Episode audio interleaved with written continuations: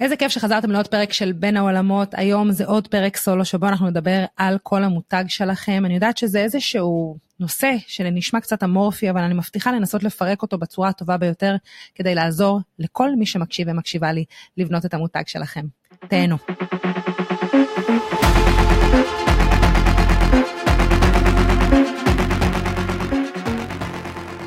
ברוכים וברוכות הבאים והבאות לפרק נוסף של בין העולמות. אני קרן רייטלר, סטורי טלרית ושותפה שיווקית לארגונים ועסקים.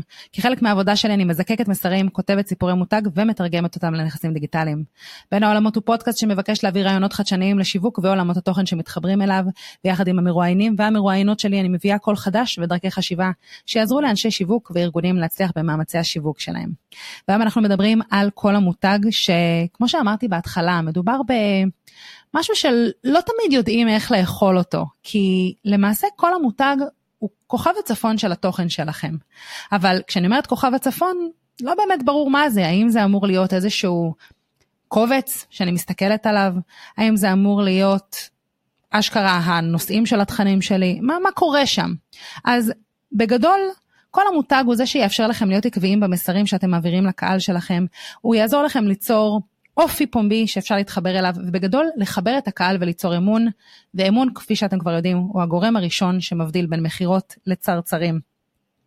כל המותג, אני רק אגיד, הוא לא איזשהו אה, קובץ אמורפי, אלא הוא ממש קובץ מפורט שעוזר לכם להבין בדיוק מה האופי של המותג שלכם, מה הערכים שלכם, למה אתם עושים את מה שאתם עושים, אל מי אתם מדברים, וכמובן לנסות ליצוק אליו משהו שהוא קצת יותר relatable, משהו שאפשר להתחבר אליו. לפני כמה ימים דיברתי עם חברה ממש טובה שלי ודיברנו על נוודות דיגיטלית וכמובן על המחיה בתאילנד, והיא אמרה לי, מה אני אגיד לך, נשמע שיש לך חיים קשים.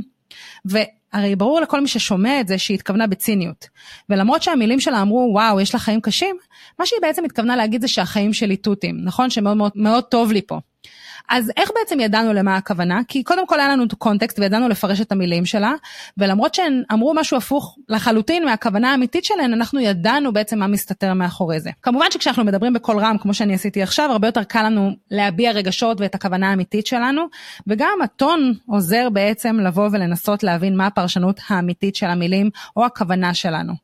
הטון הזה שאנחנו מדברים עליו, הוא בעצם מה שאנחנו רוצים לייצר בכל המותג. להבין מה הטון הייחודי הזה, שגם כשאנחנו כותבים, אנשים ידעו לפרש אותנו כמו שצריך, גם אם אנחנו לא אומרים את המילים המדויקות. כשאנחנו מדברים על מותג, במיוחד כזה שמתקשר עם הקהל שלו בעזרת הדיגיטל, ואני ממש מניחה שרוב מי שמקשיב לנו זה בדיוק המצב, אנחנו תמיד חייבים לחשוב מה האופי של המותג. כי הוא זה שמשפיע על מה הלקוחות שלנו ירגישו לגבי המותג, איך הם יפרשו את האישיות שלו, אתם יודעים מה, אני אתן לכם דוגמה. מותג שבוחר לפנות לקהל בגוף שני, את, אתה, אתם, ולהשתמש בניסוחים פשוטים ומילים, אה, בוא נניח, רגילות, הוא ייתפס כמשהו שהוא נגיש יותר ממותג שיפנה לקהל או בגוף שלישי או בצורה אמורפית, ישתמש בניסוחים מורכבים, או אולי אפילו באיזה שהם מונחים טכניים וז'רגון גבוה. זה ייתפס יותר מרוחק. עכשיו, ברור שזו דוגמה כזאת אה, קיצונית על הספקטרום, ולי ממש חשוב שכל מי שמקשיב ומקשיבה, כאילו תבינו, אין נכון או לא נכון. הכל תלוי בקהל ואל מי אנחנו מדברים ומה המותג שלכם רוצה לשדר. באחד הפרויקטים שלי, משהו שכבר קרה לפני שנתיים, יצרתי בסיס מותגי לחברת כנסים בינלאומיים לתאגידים רפואיים. זאת הייתה ההתמחות שלהם. ולמרות שהחלטנו להשתמש בגוף שני, עדיין התנסחנו בצורה שהיא קצת יותר גבוהה ופחות נגישה. כי מה שהיה חשוב ללקוח שלי זה שאנחנו ניתן כבוד לרופאים שרגילים שמתייחסים אליהם באיזושהי יראת כבוד מסוימת. אז זאת למשל דוגמה איפה אפשר גם לעשות מישמש בין השניים. כשאני מדברת על כל המותג, אז הרבה פעמים זה מצחיק, כי זאת העבודה שלי, לבוא ולתקשר את כל המותג, אבל דווקא יש לי קושי מאוד מאוד גדול לנסות ולהעביר איך אפשר לקחת את טון הדיבור של המותג, את האישיות, את הערכים, מילים, ביטויים, כל הדברים האלה ולייצר אותם לכל מותג אמיתי. אבל אני כן אגיד את הדבר הבא, כל המותג שלכם, לא משנה באיזו דרך תבחרו ללכת, לא משנה מהם הערכים, מה המילים, מה הביטויים, מה האישיות שתבחרו, כל הדבר הזה חייב להיות עקבי בכל המדיות. כל החומרים השיווקיים. הכל כולל הכל כולל הכל, התוכן באתר, פוסטים במדיה חברתית, מיילים, מצגות, אפילו התכתבויות עם לקוחות, אם אתם שולחים עכשיו מייל, אם אתם שולחים הצעת מחיר, גם שם. יחד עם זאת, ממש חשוב לי שתבינו שכמו אופי של אדם מסוים שהוא משתנה בהתאם לסיטואציות, וככה, לא יודעת מה, האישיות שלי יוצאת אחרת אה, בפני אלכס או בפני החברה הכי טובה שלי, או בפני לקוחות שלי, ככה גם האופי של המותג יכול להשתנות לפי הקהל שהוא פוגש. ו... היכולת של המותג בעצם לייצר לעצמו אופי שיש לו בסיס, אבל גם להיות אדפטיבי, אה, הוא מאוד מאוד חשוב. עכשיו אני מבינה שזה נשמע שזה סותר את כל מה שאמרתי, כי מצד אחד אני באה ואני אומרת לכם, תכינו אופי, תכינו טון, תכינו ביטויים, תכינו דברים, ומצד שני אני באה ואני אומרת לכם, לפעמים תשכחו את זה ותזרמו עם הסיטואציה והקהל, זה לא מדויק. אני רוצה שתקשיבו טוב רגע למה שאני אומרת. גם כשאתם פוגשים, המותג שלכם פוגש קהלים שונים, פלטפורמות שונות, והוא משתנה והוא נהיה אדפטיבי, הוא עושה את זה תוך שהוא שומר על ערכים שחשובים לו וקווי אופי עיקריים. יש יוצרי תוכן אסטרטגיים שנוטים להפריד בין כל המותג, שזה brand voice, וטון המותג, שזה tone of voice. כי יש ביניהם איזשהו הבדל, אבל אני תמיד משתמשת בהם ביחד. כי בעיניי לא באמת ניתן להפריד אותם. וה brand voice הוא אמור להיות האישיות הכוללת של המותג שלכם, האופי אם תרצו. וטון הקול, tone of voice, הוא בעצם בחירת המילים, הבעת הרגשות והחיבור שנוצר עם הקהל. אז בגדול, אם רגע נעשה עצירה ונשווה את המותג שלכם לאדם, האופי לא משתנה. מישהו בן אדם טוב יהיה בן אדם טוב כמעט תמיד. אבל צורת ההבעה כן נוטה להשתנות. אולי מעט, בהתאם לקהלים וסיטואציות, אבל לחלוטין מגיעים ביחד. זאת אומרת שאם נניח אני כמותג, יש לי גם, בואו ניקח רגע מוצרים פיזיים כי זה קצת יותר קל להמחשה. נניח שיש לי ליין של בגדים שהוא גם מיועד לנשים בוגרות, אה, אולי קרייריסטיות אפילו, וגם ליין לנשים צעירות, נשים שאולי אה, אה, טינאייג'ריות אפילו. למרות שהאופי שלי יכול להיות אופי דומה, האופן שבו אני אפנה לכל אחד מהקהל ואולי קריצה שאני אתן לכל אחד מהקהלים האלה הוא שונה. אז אני ממש מקווה שה... אני יודעת, מההתחלה אמרתי שזה נושא קצת מורכב, אני מקווה שעשיתי איזשהו סדר דווקא בין ההבדל בין brand voice ל tone of voice, אבל אני חושבת שאם אני ככה צריכה לשאול את עצמי מה השאלה הזאת שהפרק הזה סובב סביבה, אז השאלה תהיה בעצם למה כדאי לכם לעזוב הכל ולהשקיע ביצירת טון הקול של המותג שלכם. אז במילה אחת אני אגיד engagement, שזה מעורבות. בפירוט יותר עמוק אני אגיד שזה מדובר ביצירת אמון וחיבור רגשי עם הקהל שלכם. מי שעוקב אחרי התוכן שלי, אני מדברת לא מעט על הצורך בחיבור לקהל ושיח פתוח איתם, אני מנסה לעשות את זה עם הקהל שלי, גם, אתם יודעים, יש לזה אתגרים, זה לא תמיד עובד. רק לפני חודש הגיע אליי איזשהו ארגון ענק, בינלאומי, נמצא ב-90 מדינות. כל הכתיבה של הנכסים הדיגיטליים שלהם, אתר, עמודי נחיתה, מיילים, כל אחד מהם כתובים בצורה אחרת. בעיניי זה היה מאוד מאוד מבלבל. באתר שלהם עצמו יש כמה סגנונות בין כל קומפוננטה, צורות פניות, מסרים מעורבבים. אם זה בלבל אותי זה בטוח בלבל גם את הקהל שלהם, וזה לא מאפשר לקהל להתחבר למותג עד הסוף. וזה מה שאני רוצה שבעצם תיקחו מהמקום הזה. אנחנו רוצים לבוא ולייצר איזשהו, יותר נכון איזושהי יציבות. גם אם הלקוחות לא ידעו לשים את האצבע על מה שמפריע להם, החיבור הרגשי לא יתקיים כשיש לי כמה פניות, שיש לי כמה סגנונות. כי איך אפשר להאמין למישהו שבכל פעם פונה אליך בצורה אחרת, מתאר את העשייה שלו בשפה שונה. אצל לקוח אחר שלי יצרנו בעצם בסיס מיתוגי והתחלנו לבנות את תוצרי השיווק לפי טון כל המותג שיצרנו. את הקול המיוחד של המותג הבענו בין היתר גם באתר שלו, אם זה לא לגמרי ברור זה בסדר, אני מסבירה איך לעשות את זה בהמשך. ותוך חודש מעליית האתר החדש שלו, השאירו יותר הודעות התעניינות מאשר בכל שבעת החודשים שקדמו לאתר, לפני זה שיצרנו ביחד. עכשיו, כמות האנשים שנכנסו, יחד עם הקול הברור, יחד עם חוויית המשתמש שיצרנו, גרמה לעלייה ממש ניכרת במכירות. עכשיו, אותי אישית כאשת שיווק, זה, התוצאה הזאת לא מפתיעה בכלל. במיוחד אחרי שקראתי באתר של לוסיד פרס שעקביות מותגים מעלה בממוצע 23% את אחוזי המכירות שלהם. עכשיו, לי יש דיסקלמר חשוב, התפיסה של המותג שלכם לא מבוססת רק על השפה הכתובה והטון המיוחד שלכם. שפה ויזואלית, חוויית משתמש, חוויית לקוח ופאנלים ברורים של שיווק ומכירה הם כלים חשובים בהמרה ובנייה של המותג שלכם. כל המותג הוא רק הבסיס המותגי.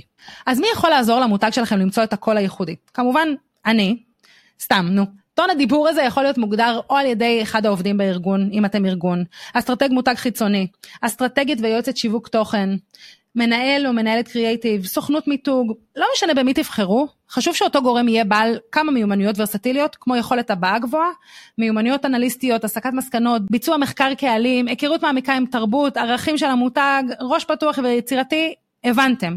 אתם צריכים מישהו שבגדול אתם מתחברים אליו ואל הקול שלו. זה, זה בעיניי אחד הדברים הכי חשובים, וכמובן שראיתם עבודות נוספות. אז איך למעשה אתם יכולים למצוא את טון הדיבור של המותג שלכם? אז אני בדרך כלל מתחילה מיצירת פרסונות והגדרת קהלי היעד. זה עוזר לי לדעת אל מי אני מדברת, באיזה שפה להשתמש, איזה לשון פנייה תהיה הכי נכונה. השלב הבא בעיניי הוא לזהות את ערכי המותג שלנו. אם אתם מותג חדש, אפשר פשוט להבין מהם חמשת הערכים הכי חשובים לכם. אם אתם מותג של אדם אחד זה אפילו קל יותר. אם אתם מותג שכבר נמצא בסביבה כמה שנים, כותב תוכן, אני מזמינה אתכם רגע לעשות הפסקה, לחזור אחורה, ולראות אילו פוסטים, מיילים, דפי מכירה, מה היה הכי פופולרי, מה הכי הצליח. זה ממש יעזור לכם להבין אל מה הקהל שלכם מתחבר ומשם אפשר לחלץ את הון המותג שלכם. אחרי שיש לכם רשימה, תנסו לחלץ משם את צורות הביטוי, את הערכים, משהו שיהיה לכם מסודר מול הפנים. התשובה הנכונה אגב, סביר להניח נמצאת בתוכן שכבר יצרתם והקהל יתחבר אליו. ככל שתוכלו לבנות הנחיות ברורות יותר לטון הדיבור שלכם, ככה אתם תוכלו להוציא את תהליכי השיווק שלכם החוצה. זה אומר שתוכלו לסמוך על אנשי כתיבה בעיניים עצומות, גם אם אתם, לא יודעת, מוציאים את זה החוצה. הרבה מהלקוחות שאני עובדת איתם, ממש לא רוצים להיות גם המשווקים של עצמם, למרות שאולי הם one person show. אז כל עוד אתם מגדירים את טון הדיבור של המותג שלכם לפני כן, אתם תוכלו ממש להשתמש בנותני שירות אחרים. וככה אנשי השיווק יכולים להכיר את ההנחיות ולדעת איך להשתמש בהם בצורה שירגישו כאילו אתם כתבתם את זה. לכל מי שמתעוררת עכשיו השאלה, לא, אני עדיין כותבת לעצמי, היה לי ממש ממש קשה לשחרר. אז בואו נלך רגע שלב, שלב אחרי שלב כדי להבין איך מוציאים את טון הדיבור שלכם, ובאמת ככה תוכלו לייצר לכם איזשהו צ'קליסט לטון המותג שלכם. אז בשלב הראשון, תבנו פרסונות מדויקות לקהל היעד שלכם. אם תעשו גוגל על בניית פרסונות, סביר להניח שישלחו אתכם לכתוב מהו מגדר, גיל, תחומי עניין, השכלה, תחום עבודה, הכנסה של הקהל שלכם. תראו, זה מעייף אותי להגיד את זה, אבל למרות שזה חשוב, אני לא הייתי מפסיקה שם. מבחינתי זה לא הגדרת קהל היעד. אני הייתי ממש מנסה להבין באיזה רשתות חברתיות הקהל שלכם נמצא. איך הם מתבטאים, הייתי מנסה לחלץ את הערכים שחשובים להם דרך פוסטים שהם כותבים, ממש לנסות לעקוב אחרי אנשים שאתם אומרים, אוקיי, זה נראה לי יכול להיות הבן אדם שיכול לצרוך את התוכן שלי, יכול לצרוך את השירותים שלי, איך הוא מתבטא, מה חשוב לו, מה הוא שואל, מה מעניין אותו, מה חסר לו. עכשיו, אני יודעת שנהוג לחשוב שפרסונות שעליהם אנחנו מדברים זה רק מי שיקנה מאיתנו בעתיד, אבל אם אתם כבר מותג שיש לו לקוחות, מדהים.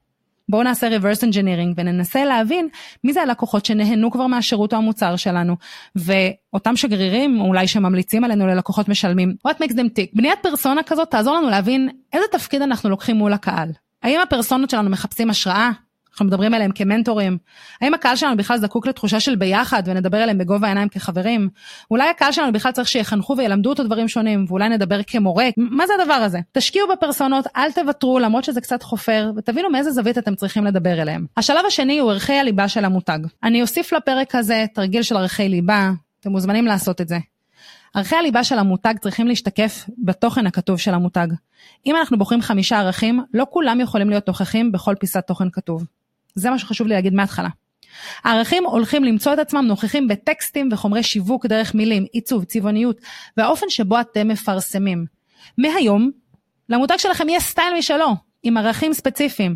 הערכים של המותג שלי הם, בוא נראה אם אני זוכרת, זה, זה שקיפות, הומור, יצירתיות, התפתחות וחופש. זהו. כשאני כותבת תוכן או מייצרת עיצוב חדש למותג שלי, הוא חייב לשקף את הערכים האלה בצורה עקבית. כאילו, תקשיבו רגע למה שאני אומרת. תארו לכם שאני מספרת לכם שהערך של שקיפות חשוב לי, אבל בתוכן שלי אין שום דבר אותנטי שמספר עליי או חושף את האני האמיתית. בכלל, תחשבו שאני מעבירה קורס אבל לא מתנהלת בשקיפות מול המשתתפים. זה, זה אבסורד. כשאתם בוחרים ערכים, הם שם לתמיד, או לפחות עד שתחליטו בצורה מושכלת, מושכלת לשנות אותם. הם חייבים להיות נוכחים בהתנהלות שלכם, בתוכן שלכם, ובבסיס של הפעולות של המותג שלכם. כדי לנסות ולהגדיר את ערכי הליבה שלכם, אני אוהבת לשאול את השאלות הבאות. מדוע הוקמה החברה או הארגון או המותג או העסק? למה, בגדול? מה מייחד את המותג שלכם ממותגים אחרים בתחום, ובשביל זה צריך לעשות גם חקר מתחרים? מה המותג שלכם מייצג? את מי הוא מייצג? מה אתם רוצים שיסיקו על המותג שלכם? אילו ערכים חשובים לכם לחלוק עם הקהל הייחודי שלכם? והרבה פעמים דווקא בתוך התהליכים האישיים האלה, הלקוחות שלי אומרים דברים כמו מקצועיות, אמינות, ובעיניי אלה ערכים שהם מובנים מאליו, זה given. אם יש איזשהו עסק שלא יגיד על עצמו שהוא מקצועי, לא כדאי לנו להתעסק איתו, הם גם ככה לא אמינים. אז חשוב שתבחרו ערכים מיוחדים שבאמת יגרמו לכם לזרוח מול הקהל שלכם וזה לא יהיה משהו נדוש. הדבר השלישי זה הצהרת משימה או mission statement. אחרי שהגדרתם את ערכי המותג שלכם, השלב הבא הוא בעצם לחבר הצהרת מטרה תמציתית של המותג עבור הקהלים שלכם. זו הזדמנות להמחיש לקוראים מי אתם, מה העשייה שלכם ולמי אנחנו יכולים לעזור. אז הצהרת המשימה שלי, אני מקריאה, המטרה שלי היא לספק תובנות ייחודיות שיעזרו לקהל שלי לפתח שיח סביב יצירת תוכן איכותי, שיהפוך אותם לאוטוריטה ויעזור להם בעסק שלהם, לצד פיתוח המיומנויות המתאימות, שיעזרו להם להגיע להצלחה עסקית. כשאתם שומעים את זה, מה עובר לכם בראש? מה אתם מבינים עליי? על העשייה שלי? זה בדיוק התהליך שיעברו הלקוחות שלכם מול הפסקה שתבחרו לכתוב. אז אני ממש ממליצה לכם לערוך רשימה של 50 שמות תואר רלוונטיים ביותר בתעשייה שלכם. תנברו אצל המתחרים שלכם, תחלצו תיאורים על העשייה שלכם, לכו לתעשיות דומות ותעשו את אותו הדבר. ואז תנסו לחלק את כל שמות התואר לשלוש קטגוריות. מי אנחנו, מי היינו רוצים להיות, ומי אנחנו לא.